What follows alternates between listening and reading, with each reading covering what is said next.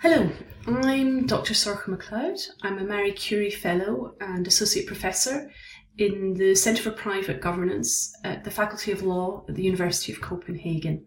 I'm going to be talking to you today about private military and security companies and the COVID 19 pandemic. The focus of my research is private military and security companies and human rights. And I'm interested in particular in how we can ensure that these private actors comply with human rights standards and how they can be held accountable for human rights violations if and when they occur. I'm especially interested in how uh, private security companies uh, impact the human rights of marginalised groups.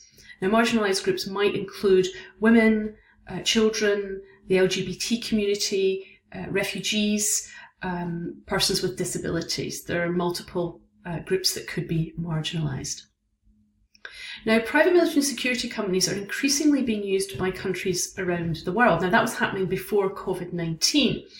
Um, but what we're seeing that is that as a consequence of COVID 19, there has been a huge increase in the demand for private security actors, and that many countries are increasing their outsourcing during the COVID 19 uh, pandemic. Now, private military and security companies are active in both peacetime and in armed conflict situations. But in this particular video, I'm going to be focusing on uh, peacetime uh, activities. The private military and security sector is enormous. Um, it's estimated that more than 20 million people globally are employed uh, in the private security sector, and it's worth billions of US dollars year on uh, uh, year on year. It's also increasing in size year on year. Um, there are estimates that it's increasing between five and ten percent um, on an annual basis, and that was even before COVID nineteen. So, what I'm going to do today is talk you through some of the situations where human rights are being violated by uh, private security providers or where they are potentially being violated by private security providers. I have some illustrations to uh, to show you um, the some of the activities that these companies are involved in. Um, I am not using uh, photographs for uh, legal liability reasons. Now, private security is being provided um, in two different ways. One um, is that we're seeing private security contractors being used more uh, frequently uh, by states as a, as a, as a result of COVID 19 in activities where they were already um, operating. So, for example, in relation to uh, migrant detention centres.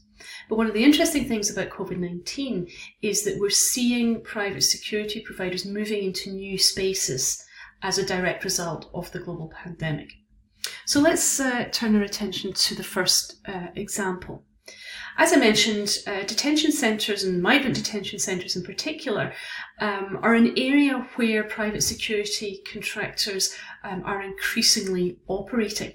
But it could be um, a youth detention centre, it could be private prisons.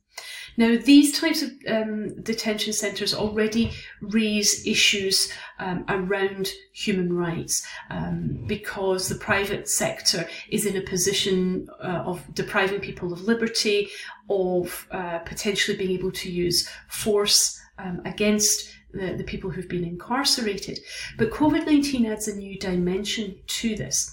When people are incarcerated, they are um, in very often um, overcrowded and unsanitary conditions. And it makes uh, dealing with a pandemic very, very difficult. Um, and therefore, it means that people who are incarcerated are likely to be very vulnerable to um, contracting the disease. And we're hearing reports um, from uh, uh, different places around the world that um, individuals are uh, in fact not being given uh, a- access to adequate uh, healthcare, which is a violation of the, the right to life. But there's another issue that's relevant here, and that's in relation to the personnel. The personnel themselves uh, become more vulnerable uh, to contracting the disease because of the, the close quarters in which they're they're working uh, with uh, with their, their, colleagues, but also with the people who are being incarcerated. And there are reports that that uh, these private contractors are not being given adequate uh, uh, personal protective equipment in order to guard them against the the, uh, the, the disease. Um, and so that means that they are they're liable to contract it, but it also means that they're becoming vectors for transmission uh, of the disease themselves. Now, a second area where uh, private security has been increasingly operating is um, at borders. And we're increasingly seeing private security being used to provide uh, uh border control and uh, management.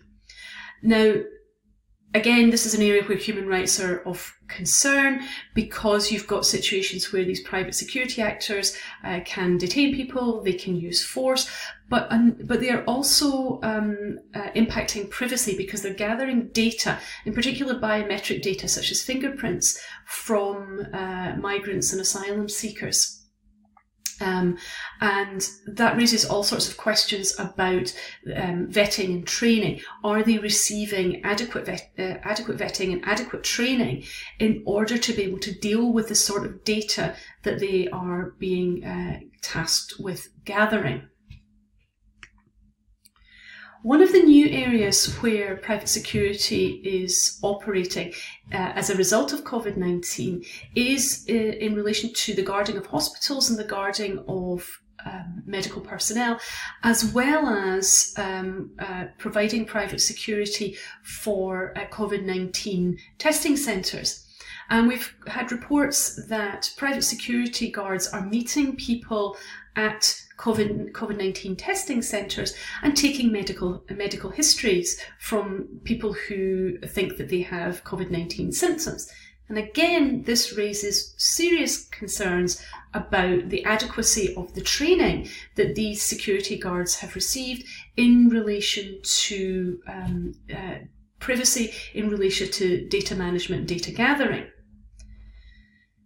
Other uh, reports have mentioned that uh, these security uh, contractors um, have not been uh, given adequate personal protective equipment. And this is of, of, of, major concern because they are in a position where they're dealing with members of the public on a, on a very frequent basis. Um, and that puts them at risk of being vectors of the disease, so being a source of transmission of the disease, but it also puts them personally at, at, at significant risk of contracting COVID 19. And we're seeing statistics emerging that show that um, private security guards um, on the front line of COVID 19 are uh, amongst uh, some of the highest have some of the highest mortality rates of any key workers. And that's of obviously great concern. Another thing that we're seeing is that um, many countries are putting in place emergency legislation to deal with the global ca- pandemic.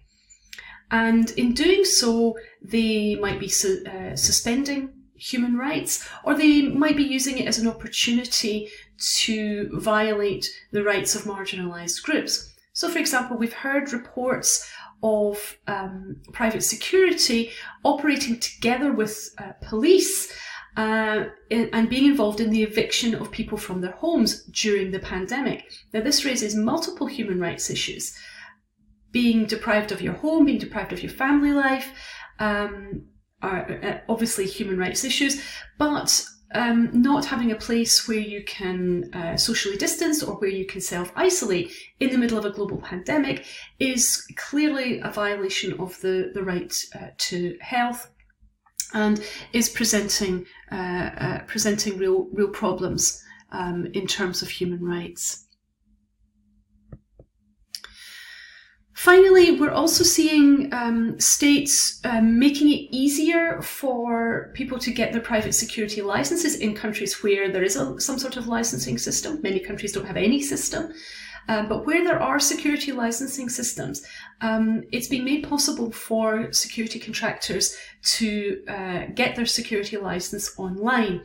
And this again is something that is of, of great concern when it comes to uh, vetting and training, particularly human rights training. Who are the people who are getting their license? What sort of oversight mechanism and monitoring mechanisms are in place to make sure um, that the people who are obtaining these security licenses online are in fact uh, fit and proper uh, persons to be uh, providing private security. So just to sum up, what can we learn uh, for the future from uh, the, the current situation with private security and COVID-19? Well, states definitely need to be aware of marginalised groups and the uh, different and different, uh, disproportionate impacts uh, that can occur uh, for those marginalised groups when it comes to human rights violations. States need to recognise the necessity for the effective regulation and oversight of private military and security companies and not use um, the COVID 19 situation um, to take advantage of, um, uh, of, of marginalised individuals. States need to recognise the necessity for proper vetting and human rights training. There needs to be appropriate and proper um, personal protective equipment and ultimately, states need to ensure that there is accountability um, for this industry. And actually, all of these uh, points are things that not just states need to be aware of, but um, the, the, the private security companies themselves also need to be aware of. Thank you for, um, uh, oh, and I should also say they should not abuse emergency legislation. Thank you for listening. Um, I appreciate uh, you uh, watching this uh, video and uh, thank you very much.